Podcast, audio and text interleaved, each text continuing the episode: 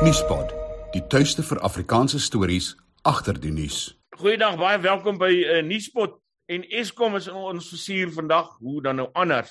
Uh, ek dink dis almal se versier. Uh, maar ek wil oor Eskom gesels en oor die voortbestaan van Eskom. Uh, by my is Dawie Rood.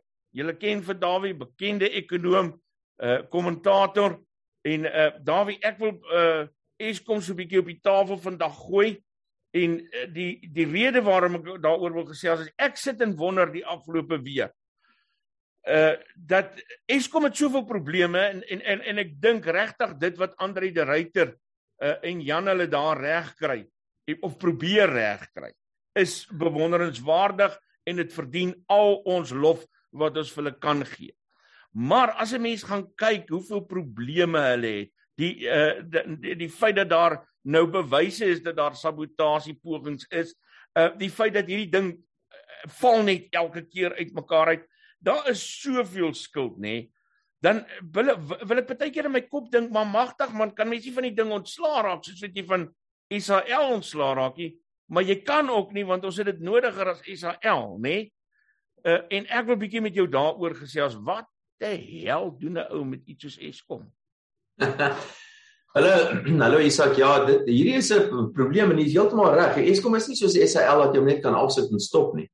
Want as jy Eskom afsit, ja, Eskom maak omtrent al die elektrisiteit in die land, werk omtrent al die elektrisiteit in die land op en dit is natuurlik ook verantwoordelik vir die transmissie van hierdie elektrisiteit om dit van A tot B te kry, van die kragstasie tot uiteindelik by jou en my by, by my. Uh, en as jy dit afsit en ons het dit in ekonomiese statistieke sien ons dit baie baie duidelik. Ten tye van 'n van sogenaamde load shedding uh dan uh, dan kan mens met dadelik sien in die ekonomiese statistieke dat ekonomiese groei lê ernstig daaronder. Sommige sommer baie ook hoor. So selfs al is die krag net so uur of 2 3 die ontwrigting wat dit veroorsaak in die ekonomie is baie groot. Mense kan onmiddellik sien dat ekonomiese aktiwiteite baie nadelig daardeur geraak word. Maar daar's soveel verskillende bewegende gedeeltes as jy praat van Eskom laat 'n mens weet omtrent nie waar te begin nie. So maar kom ons kyk of ons 'n paar van hierdie bewegende gedeeltes kan soort van identifiseer. En oor hoe moet 'n mens miskien net ook besef dat daar's internasionaal en ook plaaslik is daar 'n hele beweging om weg te beweeg van van steenkool as 'n primêre bron van energie na na 'n sogenaamde meer om, omgewing omgewingsvriendelike tipe van energie. So dis hier oor hoe so politieke soos hulle sê narratief waar binne Eskom homself bevind. Ehm um, en dit beteken dat Eskom selfs al hulle van hierdie goedes regmaak, gaan hulle voortdurend teen hierdie teen hierdie uh oorgangs weerstand uh gaan hulle self bevind. Maar mense wat weerstandig is teen teen krag uh, teen teen steenkool byvoorbeeld. As dit nie daarvoor was nie, dink ek was dit heelwat makliker geweest vir Eskom om 'n plan te maak vorentoe. Want ek wat ek dink die maklikste plan vir Eskom vorentoe is om nog steeds steenkool te gebruik is om nog hmm. steeds steenkoolkragstasies te bou want daar is heelwat hmm. minder besoedelende tipe van tegnologie deesdae beskikbaar hmm. vir steenkool. So ek dink ons het so baie steenkool in Suid-Afrika. Ek dink nie dit gaan 'n baie slim ding wees om dadelik oor nag te probeer verander na 'n ander tipe van goed nie. So steenkool moet nog steeds deel wees van hierdie mengsel. En dan dink ek moet ander goed ook deel wees van die mengsel, sekerlik kernkrag ook. So en weer 'n keer, daar is so 'n groot weerstand teen kernkrag, 'n irrasionele weerstand internasionaal. Hmm. Maar dit is ook 'n ding wat ek dink ons behoort te oorweeg en natuurlik moet ons die sogenaamde groen krag of meer omgewingsvriendelike tipe van energiebronne ook oorweeg. So dit is die die groot konteks waarin uh, Eskom homself bevind wat wat uh, wat internasionale kom ons noem dit maar sosiale en politieke druk aanbetref. So hy gaan nie geld kry nie omdat hy omdat hy uh, uh, omdat as hy wil voortgaan met die voor die hand liggende kragbronne en dit is uh, steenkool en kernkrag. So dis al klaar 'n probleem vir Eskom. As jy 'n bietjie nader aan Eskom self beweeg, dan dink ek daar 'n hele klompie ander bewegende gedeeltes wat ook baie belangrik is vir Eskom. Een daarvan is sekerlik politiek in Suid-Afrika. Nou as weet Eskom is een van daai is een van die grootste maatskappye in die land. Dis 'n reusagtige groot maatskappy met baie baie miljarde rande se aankope wat hy elke jaar moet doen. Ons weet ook dat Eskom was was een van daai instellings wat heeltemal oorgeneem is deur die ANC patronaat en alles wat daarmee saamgaan. So dis baie gevestigde belange uh ongelukkig gevestigde belange waarskynlik in grootliks uit ons bestaande politieke elite. En hulle wil nie die spulletjie verander nie. Hulle wil nie wegbeweeg van van steenkool byvoorbeeld nie. Hulle wil nie wegbeweeg van bestaande van die bestaande besigheidsmodel nie, want daar's groot voordele in. vir hulle. Baie van hulle is net eenvoudig deel van hierdie proses na bewering. So daar sal klaar weerstand wat dit aan betref. En dan moet mense ook onthou daar's 'n klompie ander goeder wat van belang is. Een daarvan is 'n uh, uh, Eskom het hopeloos te veel mense wat daar deur Eskom betaal word. Hulle hoor hopeloos te veel betaal. Ons moet die die aantal mense wat by Eskom werk moet minder word en hulle moet minder betaal word of hulle moet baie meer produktief raak. Hmm. Ongelukkig is dit ook so dat arbeid in Eskom is so sterk en is ook deel van die regerende elite so te loop. So georganiseerde arbeid is ook baie sterk en hulle het ook redes om om die bestaande uh situasie te, te probeer handhaaf op die een of ander manier. So dit dink ek is van die van die die nie finansiële aspekte wat belangrik is wanneer jy praat oor Eskom. En as 'n mens nou kom by die meer praktiese gedeeltes wat Eskom betref, dan is dit ook so dat die kragstasies, die opwekkingsgedeelte is absoluut in 'n toestand. Die meeste van daai kragstasies moet seker toegemaak word in elk geval soos dit is. Uh eintlik moet hulle vervang word basies. So die die opwekkingsgedeelte is in 'n in 'n verskriklike toestand. Die distribusie gedeelte, dit is hoe jy nou krag kry van A tot B, daai groot uh, uh, pale wat ons so sien. Dit werk eintlik nog relatief goed, so ek dink dit is nogal in relatiewe goeie toestand en dan die laaste gedeelte die die die, die distribusie gedeelte, dit is nou waar dit nou kom. Dit is tipies waar die munisipaliteite by betrokke is. Mm. En die munisipaliteite wat vir ons krag verkoop, hulle maak baie geld om krag aan ons te verkoop. Mm. En dis 'n groot inkomste vir die munisipaliteite. So hoe Eskom nou hierdie spulletjie moet hanteer en natuurlik sit hy met skuld van oor die 400 miljard rand. Nou al Eskom se inkomste is nie genoeg of Eskom se inkomste is nie genoeg om hierdie om hierdie skuldlas te te dra nie. Uh so hoe hanteer mens hierdie probleem? Ehm um, en ek het 'n paar idees hoe mens hierdie probleem moet hanteer, maar wat ek dink wat ons almal vir mekaar baie duidelik moet sê is dat waar Eskom nou is, is die ding so krities uh, vir die ekonomie, maar die ding is ook so ernstig ondermyn en ondergrawe, laat die ding kan enige dag omval. En as die ding omval, gaan die die impak op die ekonomie reusagtig wees. En dit lyk nie vir my ons het die politieke wil uh, om hierdie ding te verander nie, want want tot nou toe het Eskom was dit 'n baie handige melkkoe gewees en daar's nog 'n klomp ouens wat nog steeds uh, aan uh, Eskom se peen is speen is suig ten spyte daarvan dat die ding uh, uh krities gewond is basies en hulle gaan aanhou suig aan die ding solank as wat moontlik kan en hulle gaan keer dat die nodige veranderings aangebring word by Eskom. So ek dink dit is die situasie rowweg waar ons onsself vandag begin bevind as jy praat van Eskom. Voor ons kom by daai oplossings. Uh jy het nou gepraat van die politieke wil en dit vir my klink dis eintlik die die die die kern van die probleem. Ja. Uh, in in terme want ek bedoel jy kan nou 'n ander ryter hê uh, en 'n uh, uh, klomp ander mense wat bereid is om alles by Eskom reg te maak en die korrupsie te probeer uh, uitroei en mense te fire en so aan. Maar as daar politici is wat ander uh uh idees het oor Eskom, dan gaan jy jou vasloop in 'n muur en dan dan gaan jy probleme hê en ek dink dit gebeur soms. Ja, presies. Dit is sonder enige twyfel. Weet jy, nou weet ek nie wat is alles waar nie, maar as ek so, kyk na die sommige besluite van sekere ministers van ons en ek vertrou nie die ANC regering nie kom ek ja. net maar sommer eerlik en regtig wees. Maar as ons kyk, ek weet nie tuis byvoorbeeld hy het skoppend en skreeuend het uiteindelik toegegee dat hy die private sektor mag nou begin ook om krag op te wek. Hoekom? Hoekom het hy so verskriklik weerstand gebied daar daarteenoor? Mm. Ek weet nie hoekom. Dan word er nou beweringe gemaak van hierdie car power maatskappye en ooreenkomste wat nou onregmatig aangegaan is of be beweerde korrupsie en alles wat daarmee saamgaan. So eh, so ek ek dink die punt wat jy maak is dat die politici net eenvoudig nie wil of miskien kan ander besluite neem nie. Hulle moet voortgaan met hierdie skip wat besig is om te sink en hulle gaan aan in hierdie ding ry tot die ding uiteindelik sink want hulle neem nie daai politieke besluite uh, ten einde die ding op 'n meer handhaafbare vlak te plaas nie. So ja, ek dink politiek is miskien die eerste en die belangrikste probleem wat eerstens opgelos moet word. Die uh, kwessie oor steenkool. Uh jy het nou gesê Eskom het dalk steenkool nodig. Gwedi sê ook so, maar ek vermoed Gwedi het ander motiverings as jy. Uh om, om so te sê. Ja nee nee, heeltemal korrek. En weer ek keer dis nou na bewering want ons weet byvoorbeeld uh of ons vermoed dat daar sekere steenkoolkontrakte is wat uit die vorige kom ons sê die vorige bedeling nou al uit die vorige bedeling die uh vandaan kom wat uh, wat sekerlik tot voordeel van sekere mense mag wees wat baie goeie politieke verbintenisse het. So ek, ek weet nie want daar se weerstand om die private sektor toe te laat om krag op te wek is irrasioneel. Uh, ek kan dit nie verstaan hoekom hy so vreeslik weerstand gebied het nie. As hy as hy ten doel het om genoeg elektrisiteit vir Suid vir die Suid-Afrikaanse ekonomie uiteindelik te kry, dan moet hy natuurlik instem daartoe. Maar hy het so vreeslik weerstand gebied en dit was en jy weet dit was op 'n ou end en hulle het dit soveel en hulle het gesê, dit was die druk van die president self wat uiteindelik ek hoor die Mantas skoppend en skreeuend gekry het om hom oor hy lyn te trek om die private sektor toe te laat om 100 megawatts ook nou op te op te wek. En as jy selfs al wil jy 100 megawatts opwek, dan moet jy nog 'n hele klomp ander hoepel spring voor jy uiteindelik al die lisensies het. So dis nie so maklik nie. Maar uiteindelik het ons met hoorie Matas daag gekry, maar hoekom? Hoekom is daar nie dalk ander redes nie? Is daar nie een of ander ander sinisterre rede hoekom hy so verskriklik weerstand gebied het hier daartoe nie?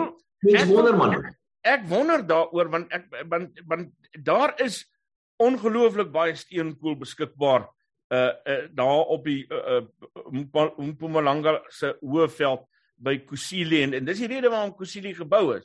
Uh, en, en dit kan goedkoop aangery word na Kusile toe, maar hulle dit daai ding so bewimpel dat die steenkool nooit by Kusile uitkom of by die ander kragstasies nie en die geld na ander kante toe gekanaliseer word. Wat is besig om te gebeur met steenkool dat dat dit is 'n oplossing, maar maar dit kom nie uit waar dit moet uitkom nie. Ja, en ek dink ek dink weer 'n keer, jy weet, as mens nou kyk na hierdie na hierdie faadjie brandewyn, dan is dit lyk dit vir my hier is baie mense wat hulle pypie in hierdie faadjie brandewyn ingedruk het. En hierdie faadjie brandewyn is nou vinnig besig om uit te loop. Maar ja, op elke vlak, jy weet, dit is die die aankoop van die steenkool self, die myn, uh die steen die steenkool kontrak self, die vervoer van die steenkool van A tot B, ehm um, die die die onderhoudskontrakte alles oral klink dit vir my spring na kort kort een of ander gogga uit. Hierdie hele ding klink dit vir my uh is korrup of gedeeltelik korrup of met alles wat daarmee saam. Ek wil gou ons ons kom nog by daai oplossings wat jy moet gee. Ehm um, net vinnig ten opsigte van steenkool wil ek bly staan. Dink jy Eskom kan sonder steenkool 'n uh, 'n uh, bestaan hê? Ehm um, weet jy iets wat dit uh, op die kort termyn sekerlik nie. Uh, Daar's geen manier dat ons sonder steenkool kan oor die weg kom nie. Ons sal steene steenkool aanhou gebruik of ons gaan nie meer elektrisiteit hê nie. Dis die korttermyn antwoord daarvoor. Die iets wat mediumtermyn, langertermyn antwoorde is, ja, ons kan sonder steenkool op die ou end, maar dan moet ons alternatiewe alternatiewe sogenaamde basiskragopwekking kry. Jy kan nie sonpanele gebruik of baie oneffektief om sonpanele te gebruik om byvoorbeeld 'n uh, aluminium smeltery in die gang te sit. Daar jy het basiskrag daarvoor nodig. En basiskrag kry jy net uit steenkool uit of uit kernkrag uit of uit groot hidrotipe van krag uit. En nie een van daai goeders wel ons het steenkool maar um, maar uh, kernkrag is natuurlik polities nie noodwendig 'n alternatief nie alhoewel ek dink ons moet dit oorweeg en ons het net eenvoudig nie toegang tot groot hidrokrag in Suid-Afrika nie. So uh, ons het steenkool op die korttermyn nodig, ons gaan nie daarvan wegkom nie en ek dink ons moet selfs nuwe steenkoolstasies bou. Soos ek genoem het, daar is nuwe tegnologie beskikbaar, maar om finansiering daarvoor te kry gaan moeilik wees, want almal skop en skree mos oor die effek van van steenkool op die omgewing. Kernkrag is dieselfde tipe van probleem. Uh ons gaan moeilik finansiering kry vir kernkrag en ek dink kernkrag is waarskynlik die uh, die veiligste krag wat daar is. Ehm um, en dit is deel van die dilemma, maar op die op die kort termyn daar's geen manier hoe ons kan wegkom van steenkool nie. Ons moet ander steenkool gebruik. Is hernubare energie uh, uh, ekonomies haalbaar? Nee, dit nee, dit nie werk vir 'n land soos Suid-Afrika. Nee, nie werk ek vir 'n land soos Suid-Afrika so Suid-Afrika nie. Uiteindelik kan jy hernubare energie vir baie goed gebruik. Ek persoonlik is baie lief daarvoor. Ek gebruik dit my hier by my huis. Het ek sulke tipe van goed opgesit, maar weer 'n keer om hernubare energie te gebruik om 'n smeltery aluminium smeltery byvoorbeeld te bedryf het jy het jy baie groot belegging nodig. Ten spyte van wat mense sê hoe die koste daarvan gedaal het die afgelope tyd en dit is waar. Die koste het ernstig en baie daarmee gedaal. Is daar nog steeds baie groot probleme met hernubare energie. Dit kos 'n klomp geld. Dit is nie so omgewingsvriendelik soos wat baie keer beweer word nie. Uh, en ek dink ons het nogal daar's baie tegnologiese vooruitgang wat nog gemaak moet word. Ek sê nie ons moet dit nie gebruik nie. Natuurlik moet ons hernubare krag gebruik soveel as wat ons moontlik kan en in die toekoms gaan ons hopelik slegs van hernubare krag gebruik. Maar die oorgang van die die die ou uh, energiebronne na die nuwe energiebronne, dit is 'n dit gaan dit gaan met 'n klomp ehm um, pyn gepaard. Dit selfs internasionaal, nie net in Suid-Afrika nie. Almal het opgehou of probeer ophou om kernkrag te gebruik internasionaal en steenkool en gas en daai tipe van goed. Daar's baie politieke druk om die hernubare goederes internasionaal te probeer gebruik. So die ou uh, opwekkingseenhede is nie behoorlik na omgesien en in stand gehou nie terwyl die nuwe meer groen tipe van krag is nog nie behoorlik in plek gestel nie dis nog nie behoorlik geïnvesteer daarin nie en wat ons nou in die tussentyd kry is geweldige ontwrigting wat energiepryse aanbetref internasionaal. Ah. En energiepryse in baie gevalle is op rekordhoë vlakke. So ons het die een stel ou tegnologie gelos voordat die nuwe stel, nuwe tegnologie behoorlik in plek gestel is en die gevolg daarvan is hierdie oorgangspyne wat die wêreld op hierdie oomblik ervaar. Ons sien dit oral. Gaspryse op rekordhoë vlakke, elektrisiteitspryse rekordhoë vlakke, oliepryse rekord, al hierdie goeders is op rekordhoë vlakke as gevolg van die die te vinnige oorgang van die een stel tegnologie na die volgende stel tegnologie. Okay, kom ons kom weer daai oplossings nou as 'n uh, uh, president Cyril Ramaphosa dit kan regkry om om aan te hou sê Andre de Ruyter is die baas van Eskom, dan lyk dit vir my het ons dalk 'n klein buitekans om hierdie om hierdie perd weer aan die lewe te kry, daai dooie perd van Andre. Ehm uh, maar wat sou die antwoord wees volgens jou? Ja. Ek moet jou sê ek dink Andre de Ruyter is 'n baie dapper man. Uh ek weet nie wat dit hom besiel om oegenaamd hierdie job te aanvaar nie. Ek dink hy ek meen ek kan nie 'n moeiliker werk dink in Suid-Afrika se. Maar om terug te kom ja, die eerste ding natuurlik is om die politieke probleme eers op te los, die politieke hindernisse eers te oorkom. Maar kom ons kom ons veronderstel nou maar dat ons word môreoggend wakker en ons het wel 'n president met 'n ruggraat. So wat is die manier om hierdie ding te hanteer? Ehm uh, heel eers moet mense die finansiële situasie van Eskom moet mense in die oë kyk en weet wat hier aangaan. Nou Eskom soos ons gesê het, skuld meer as 400 miljard rand. Eskom se skuld kan Eskom nie terugbetaal nie. Uh, behalwe as daar goed is soos geweldige toename toename in die prys van elektrisiteit wat ons al reeds gesien het en ook as die staat aanhou om vir Eskom geld te gee wat ons ook al reeds gesien. So dis die enigste manier om hierdie ding finansiëel so 'n soort van in die kort termyn in die gang te hou. Dit is nie 'n model wat finansiëel handhaafbaar is. So wat ek dink ons moet doen en daar gaan implikasies wees as ons dit doen. Ek dink die staat moet eenvoudig al daai 400 miljard rand skuld van Eskom moet eenvoudig die staat op sy eie boeke neem. Want dit grootliks daarvan ja. uh, word in elk geval deur die staat gewaarborg. As ons dit doen, kan ek sommer nou vir jou sê, gaan ons verdere afgradering sien en alle allerlei nare goeders wat daarmee gepaard gaan. So maar kom ons kom ons vat nou maar daai hou en kry klaar. Want daai skuld is in elk geval nou maar staatsskuld. So vat die totale skuldboek van Eskom en sit dit op die balansstaat van die minister van finansies en ons kyk maar daai finansiële probleme in die oog en die gepaard gaan met afgraderings en allerlei ander implikasies wat dit vir die ekonomie gaan hê. So dit is stap nommer 1. Stap nommer 2 Soos ek gesê het, ons neem nou maar aan ons het 'n president met 'n ruggraat vir 'n oomblik. So stap nommer 2 moet wees om hierdie ding baie vinniger in 3 dele te deel. Nou daai proses is al reeds aan die gang. En die 3 dele moet bestaan uit die opwekkingsgedeelte, die tweede gedeelte is die transmissiegedeelte en die derde een is hierdie die die die, die kleinhandel gedeelte of die retail gedeelte. Daai gedeelte wat die munisipaliteite aan ons verkoop. So wat die wat die opwekkingsgedeelte aan, jy breek dit in 3 dele. Onthou nou nou sit jy met 3 dele wat nie meer skuld het nie. Hulle het miskien net 'n soort van korttermyn skuld ten einde die spulletjie aan die gang hou, maar langer termyn skuld het die balansstaat nou skoon gemaak.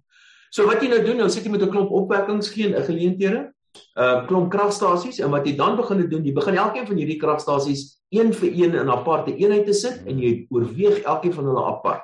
So jy kyk nou, hierdie kragstasie uh, kan hy voortbestaan? Uh het hy wat gaan dit om kos om hom laat voortbestaan?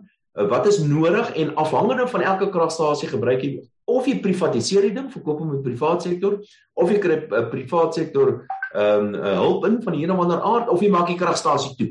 So dis wat jy doen. Jy oorweeg van elke een van hierdie kragstasies afhangende van van die toestand van die kragstasie. En dan wat jy dan verder doen, jy gaan in jy, jy hierdie beperking op steenkool word opgehef en hierdie beperking om 100 megawatt word opgehef en jy laat die en jy hierdie BEE en al die tok wat daarmee saamgaan hmm dit word onmiddellik gestaak en sonder enige beperkings op BEE en allerlei sulke beperkings laat jy die private sektor toe om te krag te gaan kragstasies te gaan bou steenkoolkragstasies.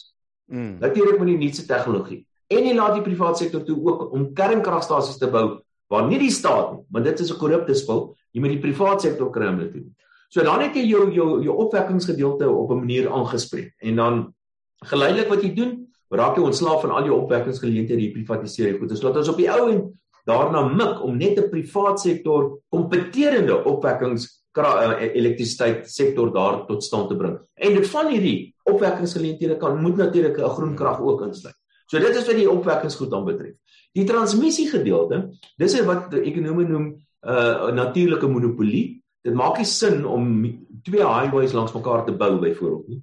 Uh so die transmissie gedeelte dit kan nog onder onder beheer van die staat bly en een of ander staatsbeheerde instelling wat heeltemal reg is, maar jy moet dit ten volle en volledig moet jy moet jy dit uit op konsessies uitsit. Met ander woorde dit moet bestuur word soos wat die tolpaaie vandag in Suid-Afrika bestuur word deur die private sektor en dieselfde moet geld.